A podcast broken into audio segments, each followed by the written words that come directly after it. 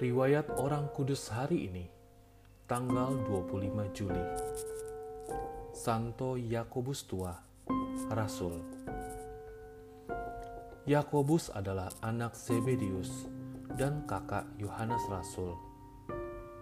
Ia disebut Yakobus Tua sekedar untuk membedakan dia dari Yakobus Muda yang juga seorang rasul Yesus. Sebutan itu disesuaikan dengan kondisi tubuhnya yang tinggi dan besar, serta umurnya lebih tua daripada Yakobus muda. Yesus memanggil dia bersama adiknya Yohanes sebagai muridnya tatkala mereka sedang memperbaiki pukat di tepi pantai Genesaret. Jelaslah bahwa mereka adalah nelayan. Bersama dengan Petrus dan Yohanes, Yakobus tua termasuk kelompok rasul inti yang dipilih Yesus. Mereka bertiga turut menyaksikan peristiwa pemuliaan Yesus di atas Gunung Tabor dan peristiwa sakratul maut Yesus di Taman Zaitun. Yakobus tua adalah seorang rasul yang kokoh iman kepercayaannya dan sangat setia pada Yesus. Dialah yang menyuruh Yesus menjatuhkan api dari langit untuk memusnahkan orang-orang Samaria yang tidak mau menerima Yesus dan murid-muridnya.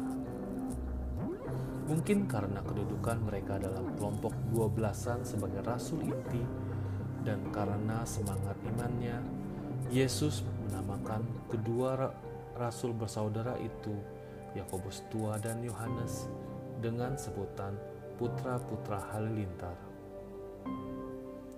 Ibunya meminta kepada Yesus agar mereka diberikan kedudukan terhormat dalam kerajaan Kristus. Terhadap permintaan ini, Yesus dengan tenang meminta mereka memikirkan apakah mereka sanggup meminum piala penderitaannya. Ketika mereka mengatakan sanggup meminumnya, Yesus mengatakan bahwa mereka akan meminum piala penderitaan itu. Namun, hal duduk di dalam kerajaan Allah hanyalah diberikan kepada orang yang berkenan kepada Allah Bapa. Ramalan Yesus akan kematian Yakobus segera terpenuhi.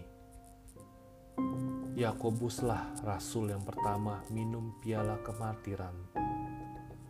Atas perintah Herodes Agripa pertama, ia dijatuhi hukuman pancung pada tahun 43 atau 44 Masehi.